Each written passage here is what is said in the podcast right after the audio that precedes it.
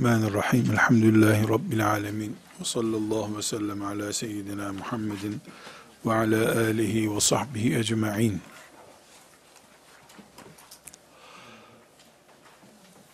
Dinimiz için, dindarlığımız için hadis-i şeriflerin oturduğu yeri tespit etmek istiyoruz.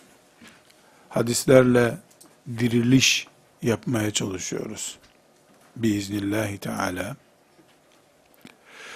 Bu nedenle de zeminimizi oturtabilmek bakımından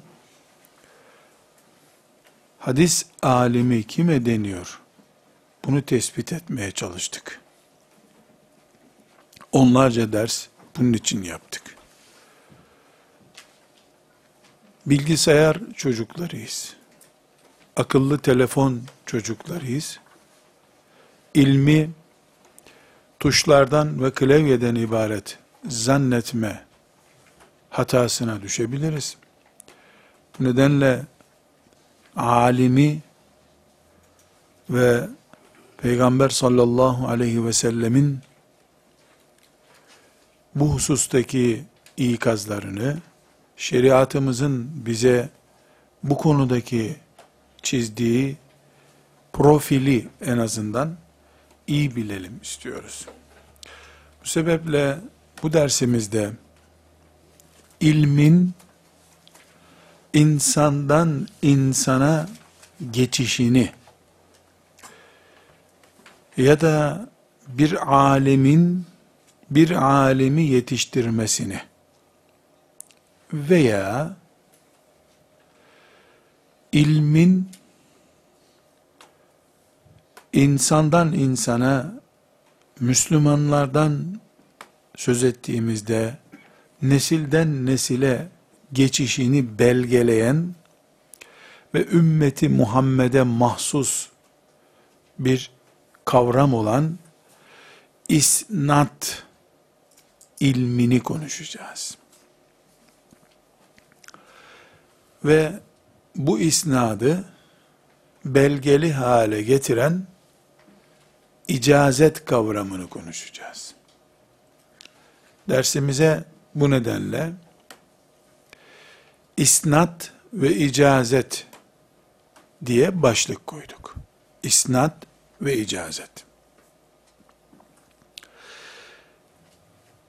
Çok kolay bir anlaşılma olsun diye Türkçedeki senet kelimesinin bu isnattan geldiğini veya aynı kökten türediklerini söyleyebilirim. Elinde senet var diyor. Ne demek istiyor? Şu kadar alacaklı olduğunu yazılı bir kağıda dayandırıyor. Diyor ki şu kadar alacağım var. Bu da benim senedimdir diyor. İsnat demek, bir sözü, ilmi bir bilgiyi naklederken, kimden duyduğunu, öğrendiğini belgelemek demektir. Ayrıntılarına gireceğiz ama sözlük anlam üzerine duruyoruz. Anadolu'da kullanılan bir kavramdır. Bahçe duvarına istinat duvarı yapılır. Yollarda, karayollarında görürsünüz, yolun bir bölümü yukarıdaki toprak kaymasın diye taş örülmüştür. Böyle bir metre, iki metre, üç metre. Ona istinat denir. Toprağa bir şeye yaslamak demek. İlimde isnat, sözü bir yere yaslamak demektir. Diyor ki filanca zat, bu beyazdır, siyahtır. Onu söylemek onun hakkı olabilir. Bana güven vermesi için beyaz olduğunu söylerken bunu nereden öğrendiğini de söylemesi lazım. Ya ben keşfettim bunu diyecek. Mesele yok. Keşfetmiş derim o sözü söyleyenin güvenilirliği kadar da o söze güvenirim ben. Hayır, keşfetme söz konusu değilse, kimden duyduğunu söylemen gerekir. A, B'den duydum der. Bu sefer ben A'nın B ile ilişkisini araştırırım. O da C'den duyduğunu söylüyor. O da D'den duyduğunu söylüyor. Bu bağlantının sağlam ulaşıp ulaşmadığını araştırırım. Böylece söz dini bir söz olduğu için Resulullah'a sallallahu aleyhi ve sellem ne kadar dayanıp dayanmadığına güvenle bakmış olurum ben. Buna isnat sistemi deniyor. İsnat sistemi arkadaşlar, elinizdeki iki sayfalık metini açarsanız, bu metini kastediyorum, çok iyi anlayacağımız bir örnek var orada. Dört sayfadan oluşuyor metnimiz. Birinci sayfa, ikinci sayfa, üçüncü ve dördüncü sayfa var. Bu arkadaşlar hepimizin meşhur bildiği ya da bilmesi gereken Peygamber Efendimiz sallallahu aleyhi ve sellemin meşhur bir hadis-i şerifi var. Men kezebe aleyye muteammiden felyetebevve mak'adehu minen nari. Bilerek bana yalan söz söyleyenin, uyduranın, isnat ettirenin nasıl anlarsak, cehennemdeki yerini hazırlasın şeklinde bir hadis-i şerif. Men kezebe aleyye muteammiden felletebevve mak'adehu minen nar. Bilerek bana yalan uyduranın, uyduran cehennemdeki yerini hazırlasın. Bu bir hadis, peygamber sözü sallallahu aleyhi ve sellem. Bize kadar nasıl ulaştığını isnat sistemiyle belgeliyoruz. Bu onlarca hadis kitabında var.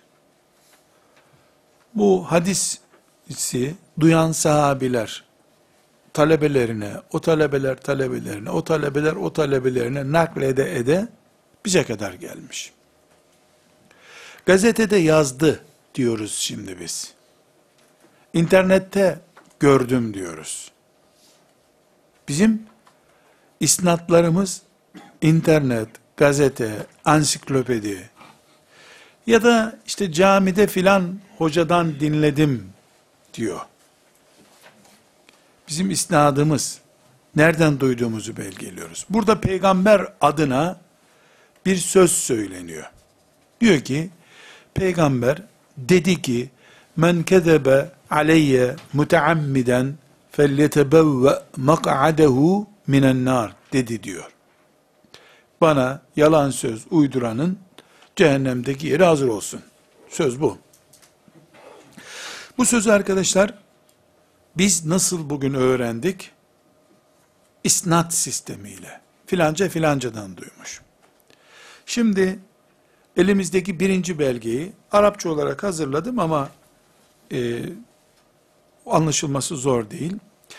Bu elimizdeki men kezebe aleyye muteammiden felletebe mak'adehu minen nar bu hadisi Ebu Hanife'nin talebesi e, Hanefi mezhebinin büyüğü ikinci büyük insanı diyelim Ebu Yusuf rahmetullahi aleyhin El-Athar isimli bir kitabı var. Bu kitabında Peygamber sallallahu aleyhi ve sellem'den, ashabtan ve tabiinden duyulmuş sözleri naklediyor. Burada 182 e, rakamı Ebu Yusuf'un öldüğü tarihi gösteriyor. Dolayısıyla Ebu Yusuf bu sözü bize ulaştırırken hicretin 182. senesinden önce ulaştırmış demek ki.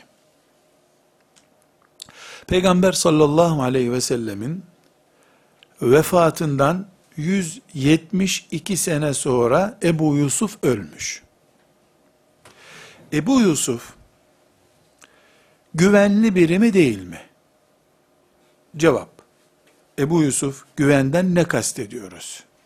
Şunu kastediyoruz. Ebu Yusuf Resulullah dedi ki diye bir sözü uydurabilir mi?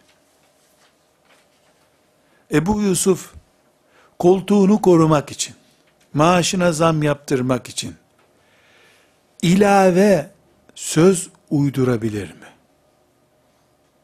Veya böyle söz uyduracak birisinin önüne talebe diye oturabilir mi? Çünkü Ebu, din şahıstan şahısa taşınıyor. Ebu Yusuf dini konusunda laubali biri mi? Peygamberin ağzından bir söz naklederken Ebu Yusuf, boş ver olduğu gibi nasıl duyduysak der biri mi?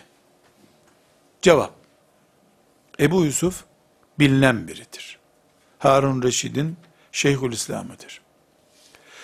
Etrafında yüzlerce binlerce talebesi olan birisi. Kaldı ki Ebu Yusuf, onun gibi büyük çapta alimlerin rekabetiyle yarışıyor. İlimde rekabeti var. Binaenaleyh Ebu Yusuf'un kelime hatası, cümlede irap hatası, yani imla hatalarında yapacağı bir hata bile, Ebu Yusuf'u perişan eder. Toplumun murakabesi altında, ilim toplumunun murakabesi altında, takva biri, makama, şöhrete, din feda edecek bir adam değil. Binaenaleyh Ebu Yusuf'u tanıyoruz. Ebu Yusuf ben filancadan duydum dediğine güveniyoruz. Bu altı çizili önemli bir konu.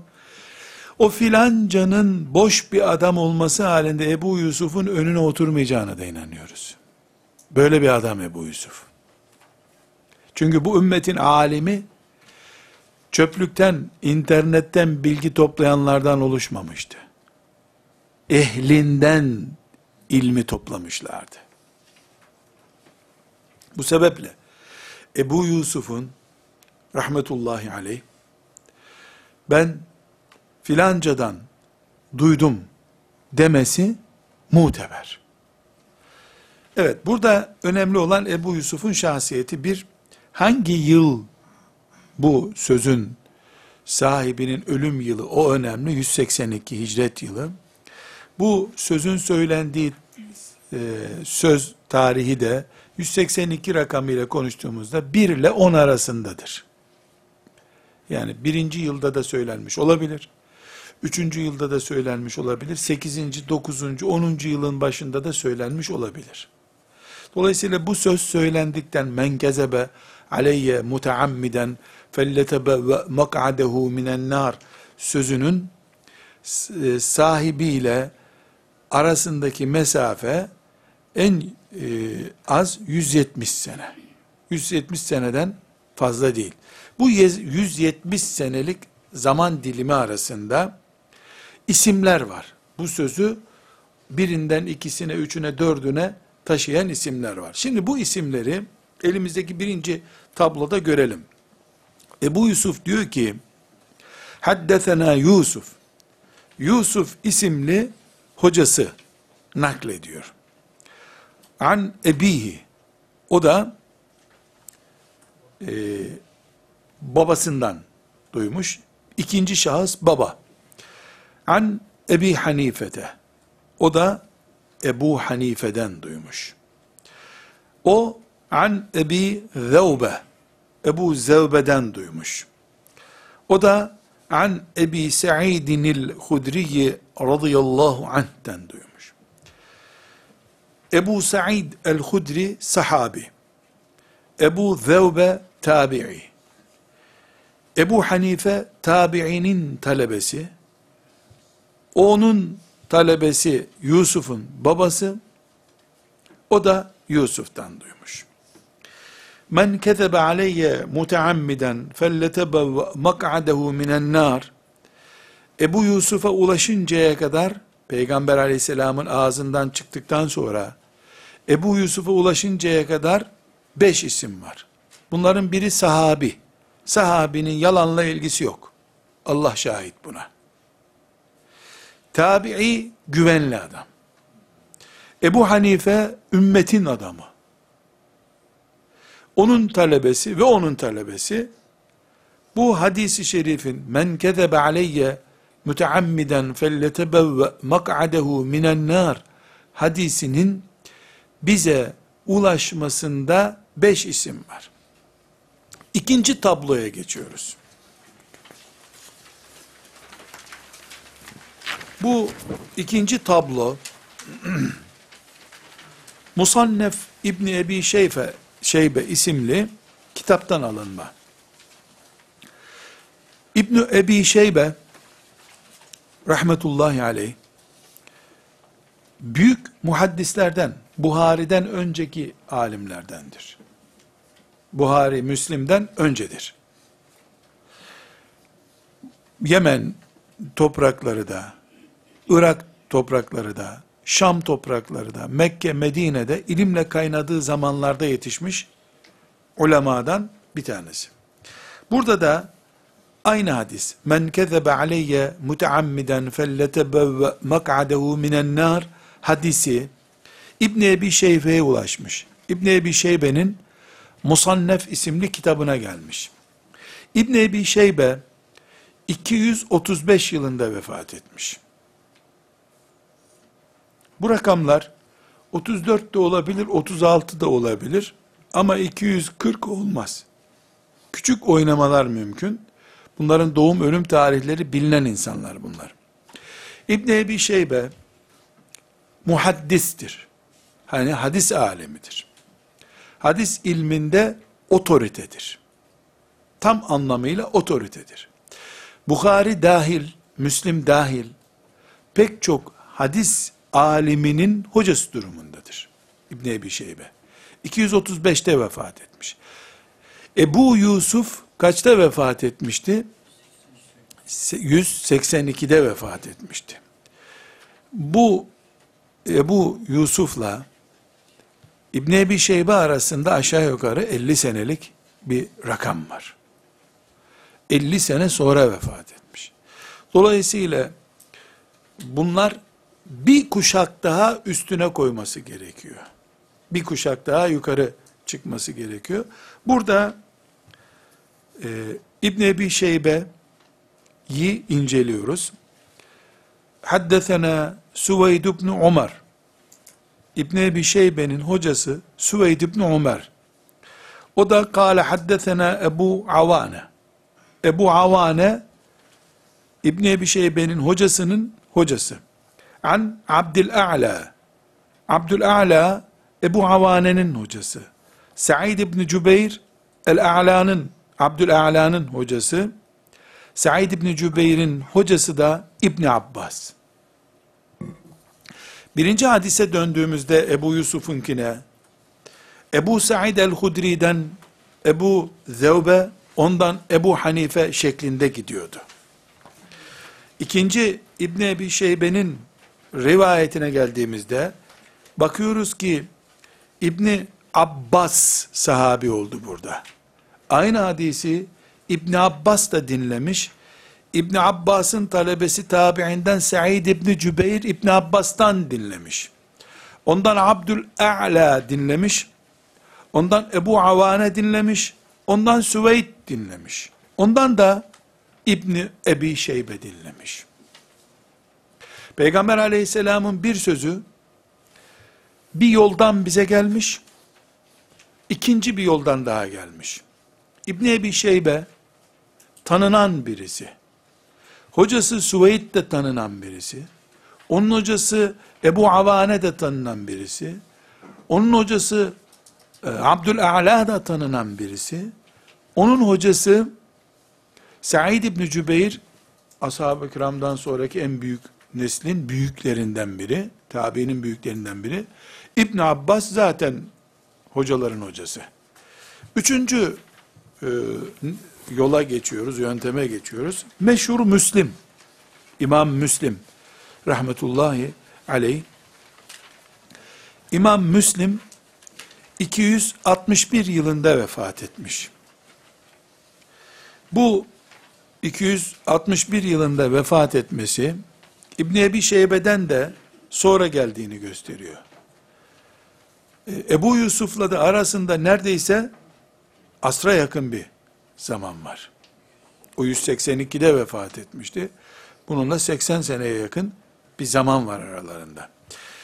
Bu Müslim Ebu Yusuf'a ulaşan hadisi ve İbn Ebi Şeybe'ye ulaşan, muhaddis İbn Ebi Şeybe'ye ulaşan hadisi bir başka yöntemle almış. Buradaki bu tabloları siz yan yana koyarsanız böyle film izler gibi daha rahat izlersiniz. Şimdi Müslim, İmam Müslim meşhur Bukhari'nin talebesi olan İmam Müslim'in men ketebe aleyye muteammiden felletebevve mak'adehu minen nar hadisini bana yalan uyduran cehennemdeki yerini hazırlasın sözünü Peygamber aleyhisselam efendimizin Müslim kitabına koymuş. Kitabında var bu. Sahih Müslim denen kitapta var. Müslim'e bu nasıl ulaşmış? İnceliyoruz. Haddetena Muhammed ibn Ubeyd el-Guberi. Muhammed bin Ubeyd el-Guberi Müslim'in hocası.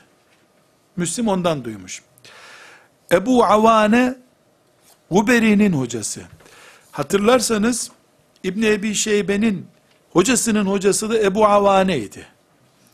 Ebu Avane Müslim'in hocasının da hocası. Ama Ebu Avane'nin hocası Ebu Hasin başka biri oldu. Onun hocası Ebu Salih, onun hocası da Ebu Hureyre. Ebu Hureyre'nin hocası da Resulullah sallallahu aleyhi ve sellem. Bir hadisi Said İbni e, Said'den dinlemiştik. Ebu Said el-Hudri'den dinlemiştik. O Ebu Hanife'nin talebesi Ebu Yusuf'a kadar ulaşmıştı. Döndük. Aynı hadisi İbn Abbas'tan dinledik. Onun silsilesi aktığı ırmak İbn Ebu Şeybe'ye ulaşmıştı. Şimdi burada bakıyoruz. Ebu Hureyre bu hadisi Peygamber aleyhisselamdan dinlemiş. Bu dinlediği hadis, Ebu Hureyre'nin dinlediği hadis bir ırmaktan akmış, o ırmak Müslüme kadar gelmiş. Şahıstan şahısa naklediliyor. O arada İbn Ebi Şeybe'nin hocalarından biriyle İbn Şeybe'nin ırmağındaki akan hocalardan biriyle İmam Müslim'in hocalarından biri Ebu Avane bir yerde e, boruyla buluşmuşlar. Ama bilerek bir buluşma değil bu. Yani bir ders halkasında bir hocanın önünde buluşmuşlar ama yarın talebeler bizi böyle ansın diye bir buluşma değil. Müslim de 261'de vefat etti. Dönüyoruz. 458'de vefat eden El Beyhaki rahmetullahi aleyh hadis ilminin Bukhariler, Müslimlerden sonraki, Ebu Davudlardan sonraki zirve adamı. Yani deyim yerindeyiz asap bir numara, tabi iki numara. Ondan sonra Müslimler, Buhariler, Ahmet bin Hanbeliler üç numara. Bu onlardan sonra gelen neslin büyük muhaddisi. Yani bir derya, buna alim filan demek için de e, kelime bilgisinin hiç olmaması, alimin ötesinde biri, rahmetullahi aleyh, peygamberine çok hizmet yaparak gitti bu dünyada. İnşallah o da biz de kıyamet günü e, bu hadislerin sahibiyle Havz-ı Kevser'de buluşuruz da Beyhaki'yi merak ediyorum. Kafası bir yüz kilo kadar var mıydı acaba? Beyni nasıl bir şeydi merak ediyorum. O zaman da böyle ümmeti Muhammed'in en muhtaç olduğu zamanda ansiklopedi çalışmaları yapmış. İmanla ilgili hadisleri bir yerde toplamış, şuabul iman demiş ona. Ondan sonra normal bir hadisleri sünen usulü sünenül kübra demiş. Başka sürekli çalışmış, üretmiş, üretmiş muhteşem bir zat. Rahmetullahi aleyh e, yani hayranlığımızı ve hizmetine karşı minnettarlığımızı zikretmekten başka bir şey bulamıyorum. Beyhaki vefatı 458, hicretin 458. senesi. Bu ne demek arkadaşlar? Peygamber Efendimiz sallallahu aleyhi ve sellem'den 450 sene sonra bir alim peygamberin sözüne nasıl ulaşmış? İnternet yok. Akıllı akılsız telefon yok. Nasıl ulaşmış?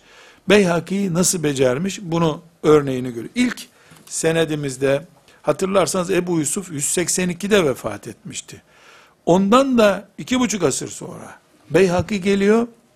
Peygamber aleyhisselam efendimizden 170 sene sonra Ebu Yusuf peygamberi dinler gibi hocasının hocasının hocasının hocasının kanalıyla peygambere ulaşmıştı. 458. yıla geldik. Aradan 450 sene geçti Peygamber aleyhisselam efendimizin vefatından. Beyhaki'yi peygamberi önüne oturtuyor senin. Nasıl yapıyor bunu? Ne diyor? Resulullah sallallahu aleyhi ve sellem böyle dedi. Ama ben bunu filanca hocamdan, filanca hocam o, o, o, o, o muhtemet şahıslardan bizi Peygamber aleyhisselama ulaştırıyor. Şimdi o silsileye bakalım. Beyhaki tanıdığımız biri. İmam Şafii'nin mezhebinde, Şafii ulemasından muhteşem bir alim. Muhteşem bir alim. Alim ama. Alim. Zaten alim bunlara dendiği için de arkadaşlar bize alim kelimesinden bir şey kalmadı. Eğer bunlarsa alim, bizim cahil olmamız bile mümkün değil. Yok bunlar alim değilse biz alimsek bunlar ne o zaman? Ama herkesi Allah sevdiğiyle beraber haşreder. Herkese hasretini verirse Allah ki öyle olacak. Biz de bunlarla otururuz inşallah. Talebelerinin talebelerinin talebelerinin talebeleri mi oluruz onu Allah bilir. Ama inşallah otururuz bir yerde. Şimdi Beyhaki Ebul Hasan Muhammed İbni Ebil Ma'ruf isimli hocasından okumuş. O da Ebu Amr İsmail İbni Nuceyd Es-Sülemi isimli hocasından okumuş. O da Ebu Muslim İbrahim İbni Abdillah isimli hocasından okumuş. O Ebu Asım isimli hocasından okumuş. O Abdülhamid İbni Cafer isimli hocasından okumuş. O Yezid İbni Ebi Habib isimli hocasından okumuş. O Amr İbni Velid isimli hocasından okumuş. O da Abdullah İbni Amr'dan okumuş. Abdullah İbni Amr kimdir? Ashab-ı kiramın abadilesinden. Dört Abdullah'ından biri. Hadis ilminin büyük isimlerinden sahabeden.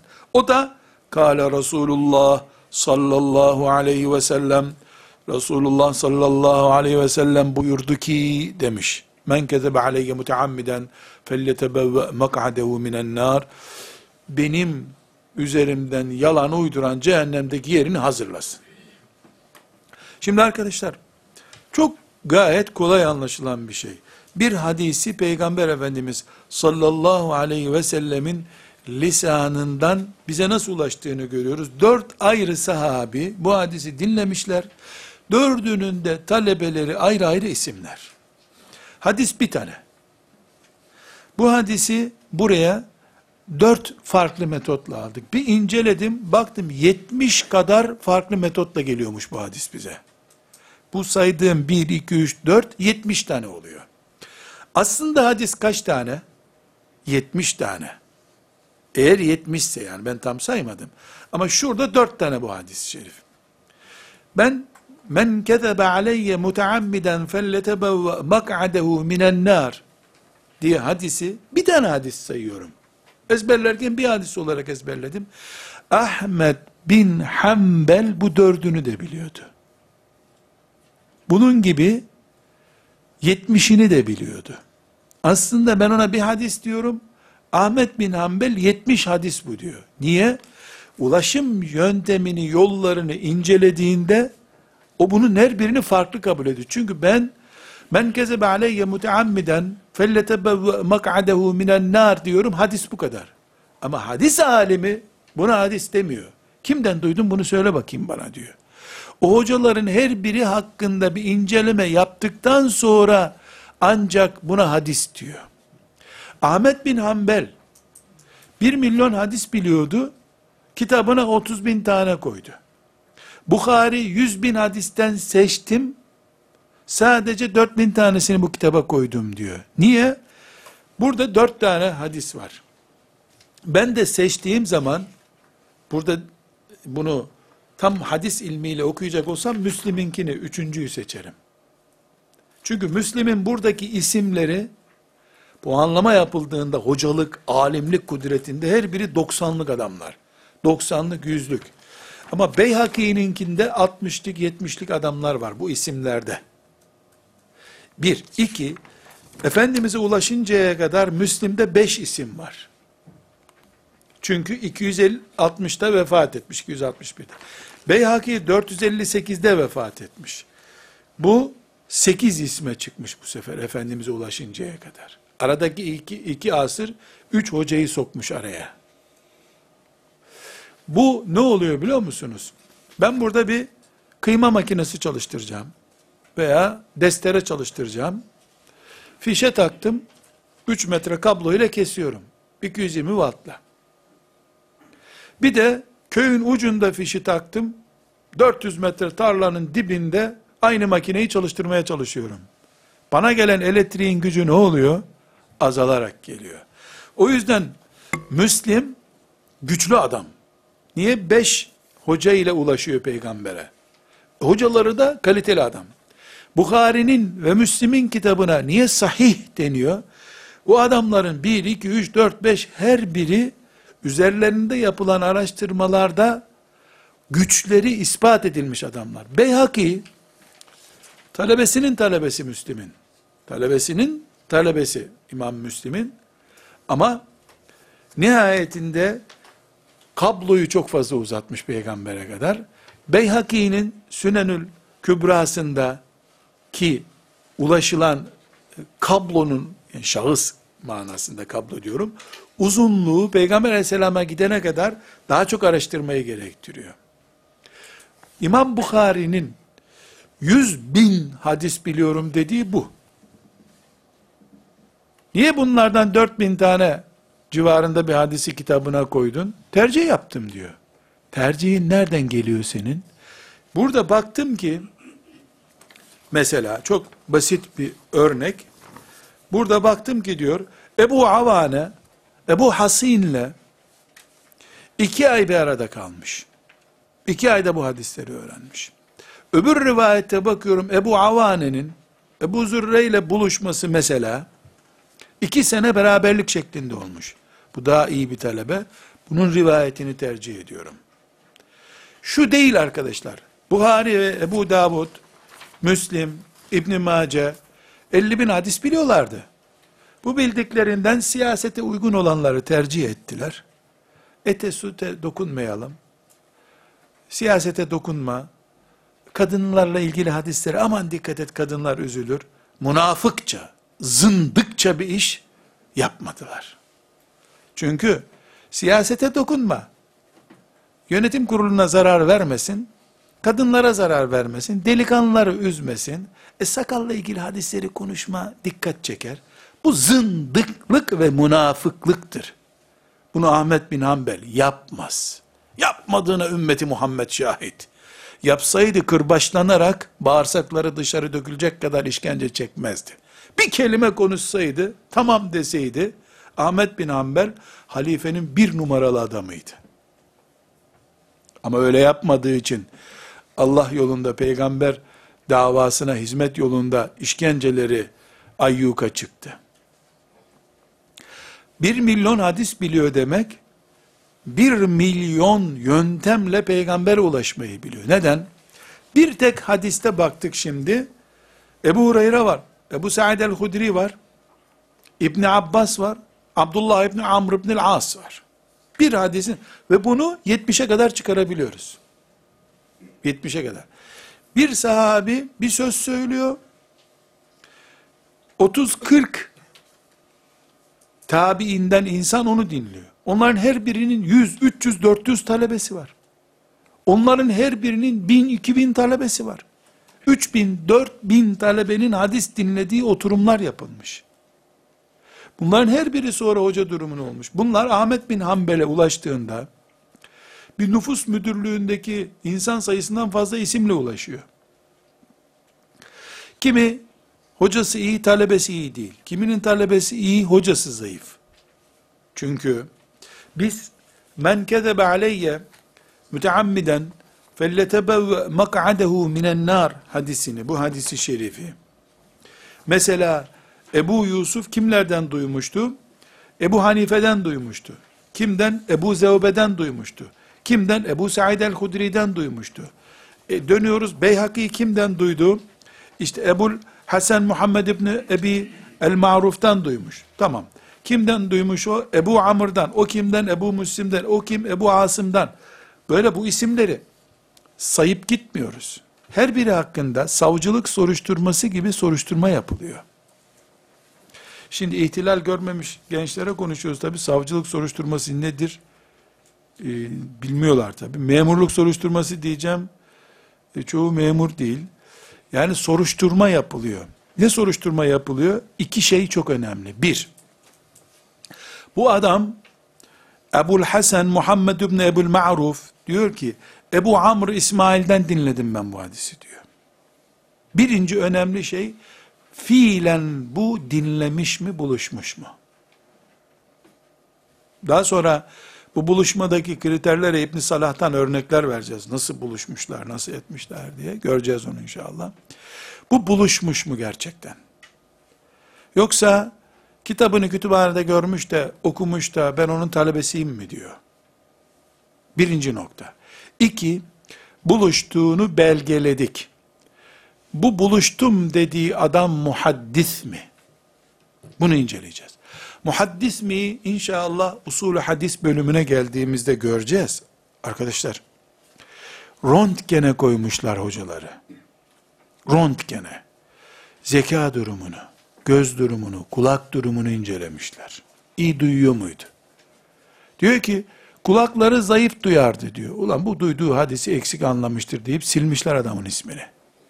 Ahmet bin Hanbel bildiği bir milyon rivayetten onun için 30 bin tanesini koymuş kitabına. Kiminin kulağını beğenmemiş.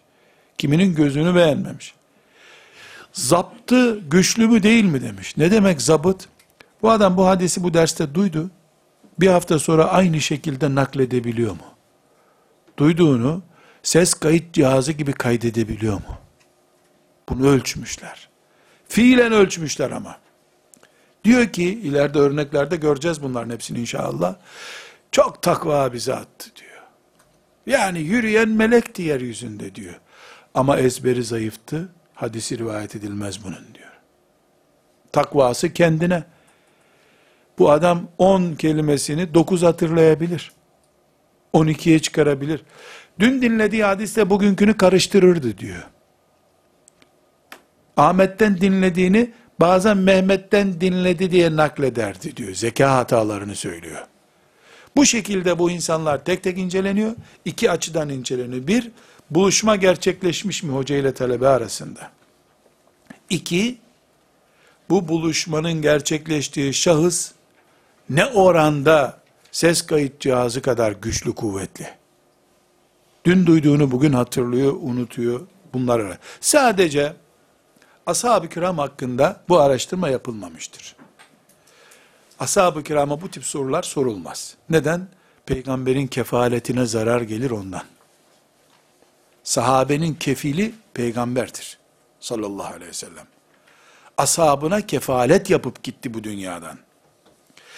Ebu Hureyre'yi araştırmaya kalkarsan, Ebu Sa'id el-Hudri'yi araştırmaya kalkarsan, kefiline zarar verirsin. Çünkü Resulullah sallallahu aleyhi ve sellem ashabını sahiplendi. Benim ashabım dedi. Allah onlara şehadet etti. Veda hutbesini okurken, irad ederken Resulullah sallallahu aleyhi ve sellem o iradında, o hutbede yüzde yüz hadislerini, Kur'an'ını onlara emanet edip gitti ve emretti onlara. Siz de başkalarına aktarın dedi. O yüzden ashab-ı kiramı araştırmayız. Nesini araştırmayız ama? ya bu sözü gerçekten söyledi mi söylemedi mi diye. Mesela Ebu Hureyre radıyallahu anh geç Müslüman oldu. Peygamber aleyhisselam efendimiz de olsa olsa dört sene beraber oldu. O kadar da değil. Mekke'deki bir olayı anlatıyor. Onun Müslüman olarak Mekke'de olmadığı zamanlarda hicretten önceki olayı anlatıyor. Aişe anamız 5 yaşında çocukken ortaya çıkmış olayları anlatıyor. Mümkün değil onun onları duyması. Ama biz ashab-ı kiramı kovuşturmuyoruz. Neden? Biz ashab-ı kiramı bir bütün kabul ediyoruz. Onlar birbirlerinin öğretmenleri ve birbirlerinin tamamlayıcısı durumundadırlar. Mesela İbn Abbas yüzlerce hadis naklediyor. Ama kendisi diyor ki İbn Abbas, ilk derslerimizin başında örnekler vermiştik bundan. E ben çoğu meseleyi bilmiyordum diyor. Gider ashab-ı kiramın kapısında yatardım çıksa da bir soru sorsam diye. Yaşlı sahabilerin talebeliğini yapmış. Ashab-ı kiram birbirlerinden çekinmemişler. Bunu sen eksik biliyorsun diye düzeltmişler. Mesela Ayşe annemizin pek çok hadisi şerifine filan sahabi düzeltme yapmış. O olayın tamamı böyledir demiş. Ayşe annemiz onun bir cümlesini biliyor. O olayın tamamı böyledir demiş. Ashab-ı kiramın yüzlerce konuda birbirine tamamlaması var. Dolayısıyla ashab-ı kiram şöhret olup doktora tezi yazmak için, makale yazmak için, bir konuda uzmanlaşmak için konuşan eden insanlar değiller. Bir konuda bir briefing hiçbiri vermemiş zaten. Hadis nakletmişler. Mesela tamamı yüz parça olan bir olayın bir bölümünü biliyorum deyip onu anlatmış. Daha sonra muhaddisler, Müslimler, Ebu Davudlar, bilhassa Ebu Davud, rahmetullahi aleyh sünen yazarak derlemiş bunları. Yani ashab-ı kiramın bir şey anlatıp bir konu bitirme diye bir e, hassasiyeti yok.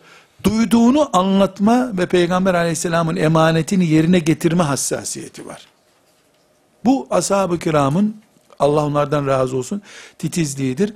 Dolayısıyla ashab-ı kiramdan yanlış bir şey gelmesi mümkün değil. Velev ki o olayı görmemiş olsun, görmemiş ama mescitte oturup Ömer'den ilk günlere ait olayları dinlemiş. Daha sonra da Ömer'den duydum demesine gerek kalmadan bu böyleydi diyor. Niye?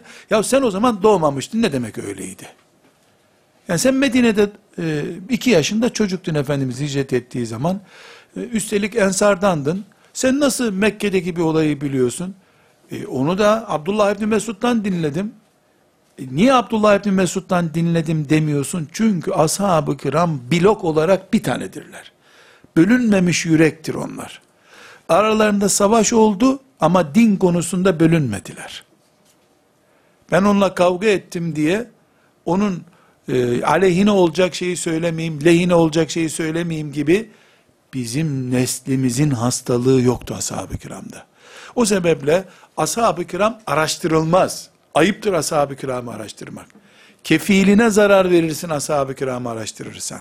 Kefili Resulullah sallallahu aleyhi ve sellem Efendimiz'dir.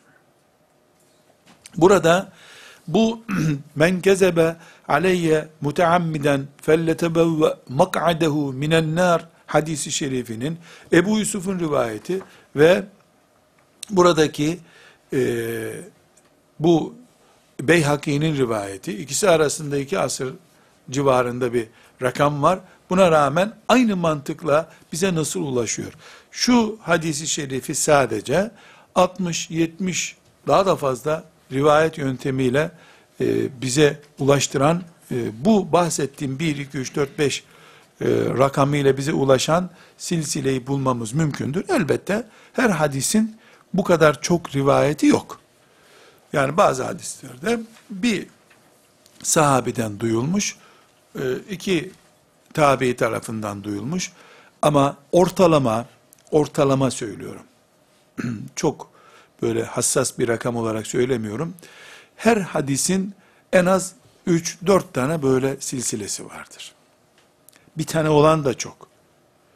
40 tane olan da var. 20 tane olan da var. Bunların toplamının her biri muhaddislerin literatüründe bir hadistir. Mesela buraya ben bir hadis getirdim. Size men kezebe aleyye müteammiden hadisi getirdim. Çünkü bizi sadece o hadisin kendisi ilgilendiriyor. Biz hazır bir nesiliz. Hazırcıyız biz. Men kezebe aleyyen müteammiden hadisini buldum mu hadis buldum derim. Muhaddis yani bu işin ehlinin arasında ise Bu böyle değildir. Ona ulaştığı her sistemi bir hadis kabul eder o. Bunun içinde 10 bin, 100 bin, 20 bin diye rakam ilave ederler.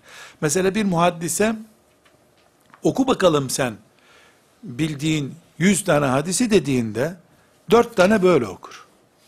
20 daha biliyorsa 20 okur. Ya bunların hepsi bir hadis. Biz diyoruz. Çünkü biz hazır ekmek istiyoruz. Hazır ekmek, bir dilim ekmek istiyorsun. O bir dilim ekmeğe ekmek diyorsun. Ama fırıncıya ekmek dedin mi buğday, tuz, su, maya çok şey anlıyor. Ehli çok şey anlıyor ondan. Ben saat deyince kolumdaki şeyi anlıyorum. Saat fabrikasında çalışan birine saat deyince en az 500 parçanın ismini veriyor bana. Saat onun gözünde o çünkü. Elbette biz yanlış yolda değiliz. Ben hadisin kendisini arıyorum zaten. Zaten bizim için bu sistem bitti. Buhari bu işi bitirdi. Sağlam, e, Beyhaki bu işi bitirdi. İbn Mace bu işi bitirdi. Elhamdülillah bize sağlam getirdiler. Allah onlardan razı olsun. Bir sorun yok. Ama onlar uzman adamlar. Bu işe isnat mantığıyla baktılar. Bunun isnadı budur dediler. Buna bir numara verdiler. Bu yüzden e, Buhari, Müslim ve benzeri kitaplar incelediğimizde bu farkı çok iyi görürüz. Mesela Ahmet bin Hanbel'in rahmetullahi aleyh kitabı müsnettir.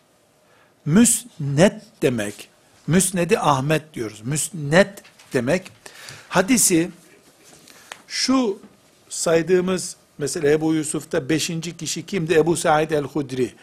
Ebu Said el-Hudri'ye dayandırılmış hadisi bulursun orada. Ahmet bin Ambel'de men gezebe aleyye diye bir hadis bulamazsın. Ebu Said'e dayandırılmış hadisleri bulursun. Abdullah İbni Amr'a dayatılmış hadisleri, dayandırılmış hadisleri bulursun. İbni Abbas'a dayandırılmış hadisleri bulursun. Ömer bin Hattab'a dayandırılmış hadisleri bulursun. Dolayısıyla 30 e, küsür bin hadis vardır müsnette. Bunları toplasam belki 5000 de yapmaz. Yani farklı konularda konulandırma yapayım desen 5000 hadis çıkaramazsın oradan. Aynı hadis mesela 20 sahabi tarafından tekrar ediliyor. Çünkü herkes duyduğu şeyi anlatıyor. Resulullah'tan sallallahu aleyhi ve sellem şöyle duydum diyor. Filancadan böyle duydum diyor. Bu mesele çok önemli arkadaşlar. Şu aksi takdirde koca koca ünvanlı insanlar bile ne demek yüz bin hadisten on bin seçiyorsun demek istediğini atabiliyorsun sen derler. Cahillik parayla değil. Hainlik de parayla değil. Oldun mu oluyorsun yani otomatik oluyorsun. Ee, kimsenin ağzını çuval gibi bağlayacak kudretimiz de yok. Gerekli de değil. Kıyamete kadar kışta olacak, baharda olacak. Ebu Hureyre'yi sevip onunla dirilmek isteyenler de olacak. Ebu Hureyre'ye hakaret edenler de olacak. Ömer bin Hattab bile onları toparlayıp atamadı ki. Biz ne yapacağız? Bizim vazifemiz kimden yana olduğumuzu bilip o heyecanla yaşamaktır.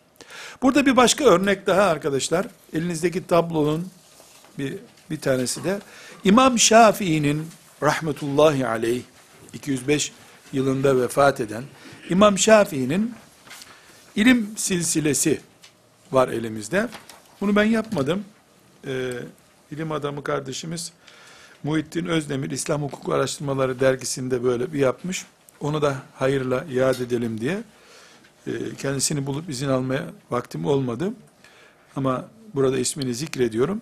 Tabloda görüyorsunuz İmam Şafii'nin rahmetullahi aleyh e, ilim silsilesini görüyoruz. Burada bir hadisten isnadın nasıl olduğunu gördük. Beyhaki, Ebu Yusuf, Resulullah'a nasıl dayandırıyor hadis onu gördük. İmam Şafii, müştehit, fakih, muhaddis bir adam ve şair bir adam. Hem edebiyatçı, hem hadis alemi, hem fakih ve hem hem ümmetin adamı. Şimdi İmam Şafii, bildiğimiz İmam Şafii, bu tablo şüphesiz Ebu Hanife içinde var. İmam Malik içinde var. Yani çünkü soysuz ilim kağıt üzerinden ilim şimdi var. Bunların ilimleri soylu ilimlerdir. Soyları belli, ilim ağaçları belli bunların. Meyvelerini nereden e, yetiştirdikleri belli bunların. Şimdi İmam Şafii tabloda görüyoruz arkadaşlar. 150'de doğmuş. Hicretin 150 senesinde. 204'te vefat etmiş. Aşağıda siyah e, gördüğümüz yerde İmam Şafii'nin talebeleri var. O talebeler mesela El-Za'ferani, El-Kerabisi gibi talebeleri var. El-Buveyti diye başka bir halkadan oluşmuş talebeleri var. Şimdi arkadaşlar İmam Şafii'den aşağı inişi görüyoruz. Kolay. O siyah siyah alınmış bölge İmam Şafii'nin nesli bunu. İmam Şafii'nin çocukları diyelim ki öz çocuğundan daha değerli çocukları bunlar onun. ilmi bugünlere taşıyanlar. Şimdi İmam Şafii'nin yukarısına doğru dönüyoruz arkadaşlar. İmam Şafii'ye bakıyoruz. İmam Şafii dört ok sarıyor. Yukarıdan aşağı doğru gelen dört ok geliyor. Bu oklardan mesela en sağdakinden e, Abdülaziz Deraverdi'nin getirdiği oku bakıyoruz. İmam Şafii'ye geliyor. Malik bin Enes var aynı kare içerisinde. Hatırlarsanız İmam Şafii'nin Malik bin Enes'in muvattağını gidip ondan ezberleyip okuduğunu ve icazet aldığını söylemiştik. İmam Malik ve o bir halka. Bu halka yukarı doğru Nafi diye birine gidiyor. Oradan Ubeydullah ibn Amr ve benzerlerine gidiyor. Oradan Ömer, Osman, Abdullah ibn Ömer, Aişe, Abdullah ibn Abbas, Zeyd bin Sabit'e gidiyor. O yukarıdaki birinci kare, ashab-ı kiram karesi. Yani bu silsilede İmam Şafii'nin birinci hocası Abdülaziz Edderaverdi grubu, Malik bin Enes grubu, bunlar bir nesil. Onun üstü Nafi' diye bir nesil var. Nafi'inle beraber Yahya bin Said mesela var. Onun yukarısında Ubeydullah bin Abdullah isimli tabi'in kadrosundan mesela orada 3, 4, 5, 6 hocası var İmam Şafii'nin tabiinden. Hocasının, hocasının hocaları onlar. Onların da ekolü Ömer bin Hattab'ın da içinde bulunduğu ekol. Bu ekol Medine uleması oluyor. İmam Şafii'nin e, sağdan e, ikinci sütuna geldiğimizde Said bin Salim el Kaddah isimli hocası var. Mekke'de de kalmış İmam Şafii. Mekke'de de okumuş. İmam Hatip Lisesi'ne yazılıp oradan da ilahiyata gitmemiş. Dünyayı dolaşmış ilim elde etmek için. Bu Mekke kanalıyla baktığımızda da Muaz İbni Cebel'e ulaşıyor. Muaz İbni Cebel Mekke valisi, Mekke alimi, ashab-ı kiramdan, yani ashab-ı kiramdan bir nesle daha ulaşıyor. Hangi kanalla ulaşıyor ama? Mekke'de ders gördüğü hocaları, o hocaların talebeleri. Burada dikkat ederseniz eğer, Mekke silsilesine daha yakın bir çağdan ulaşıyor. Üçüncü tabloya geliyoruz. Yemen, çünkü Yemen'de de ders görmüş. İmam Şafii Yemen. Yemen'e, Yemen'de tekrar Muaz İbni Cebel'e ulaşıyor.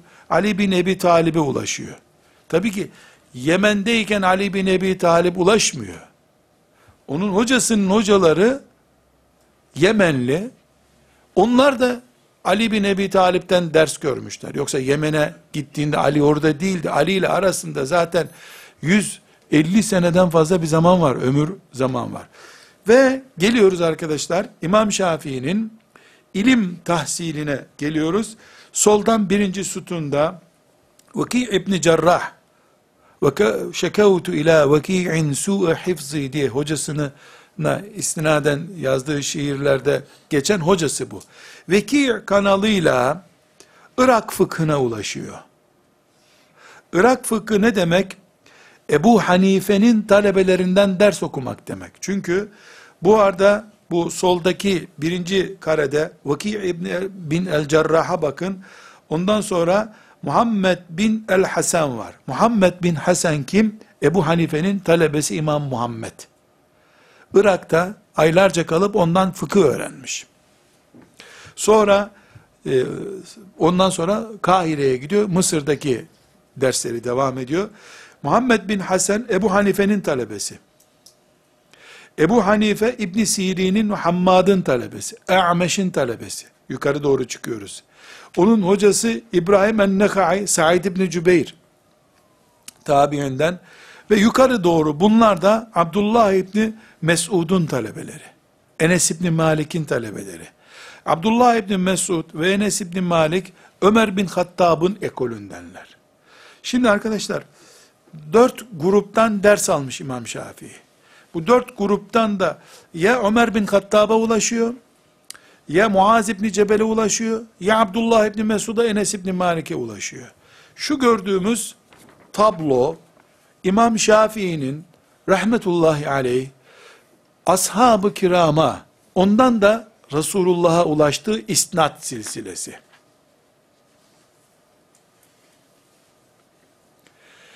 İmam Şafii'nin Er-Risale isimli bir kitabı var.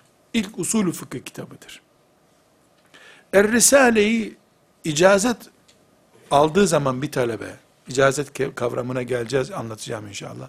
Ben icazet alacak olsam Er-Risale'den, şu siyah daire içerisinde, kare içerisinde kalan talebeleri yöntemiyle, onlar çünkü icazet vere vere aşağı indiriyorlar. İmam Şafii'ye, İmam Şafii de bu dört koldan biriyle ashab-ı kirama, ashab-ı kiramdan da Resulullah'a ulaşmış oluyorsun. Soylu ilim. Soylu ilim. Gördüğünüz gibi diplomalar A4 kağıdına sığıyor ama bunların soyları bir A, A4 kağıdına sığmıyor arkadaşlar. 5 punto ile yazmak zorunda kalıyoruz. Buna isnat diyoruz.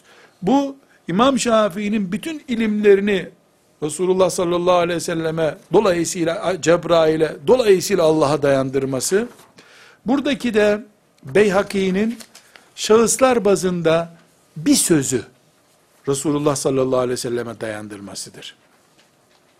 İmam Şafii'de külliyen İmam Şafii'nin kafa yapısını görüyoruz. Kafa yapısı kime dayanıyor? Bu arkadaşlar çok enteresandır. İmam Şafii'nin mantığıyla Ebu Hanife'nin mantığı arasındaki fark nedir biliyor musunuz? İmam Şafii'nin silsilesinde Malik bin Enes var. Malik bin Enes, Ömer'in, Osman'ın, Abdullah bin Ömer'in, Ayşe'nin, Abdullah bin Abbas'ın, Zeyd bin Sabit'in talebesi. Burada Irak fıkhında ise Ebu Hanife'nin silsilesiyle çıktığımızda Abdullah bin Mesud, Ali bin Ebi Talip, Enes bin Malik, Ebu Musa el-Eş'ari'yi görüyoruz. Bunların karakter farklılıkları, Osman'ın bulunduğu veya bulunmadığı bir karedeki fark, Malik'tir, Ebu Hanife ile İmam Şafii arasındaki farktır. Buradaki isimler, Enes İbni Malikler, Ebu Musa el-Eş'ariler, iştihada daha meyyal tipler. En alttaki talebesi Ebu Hanife, talebesi İmam Muhammed, talebesi İmam Şafii. İmam Şafii'nin iştihat kokan ifadeleri bu sol kanaldan yukarı doğru çıkıyor. Keskinlik kokan Nass'a bağlılığı tavizsiz kabul eden de buradan Ömer'e doğru çıkıyor. Buna isnat diyoruz. Şerefli soy ağacı ilimde diyoruz arkadaşlar. Bu isnat kelimesine devam edeceğiz inşallah. Ve sallallahu sellem ala seyyidina Muhammed ve ala alihi ve sahbihi ecma'in velhamdülillahi rabbil alemin. قل إن كنتم تحبون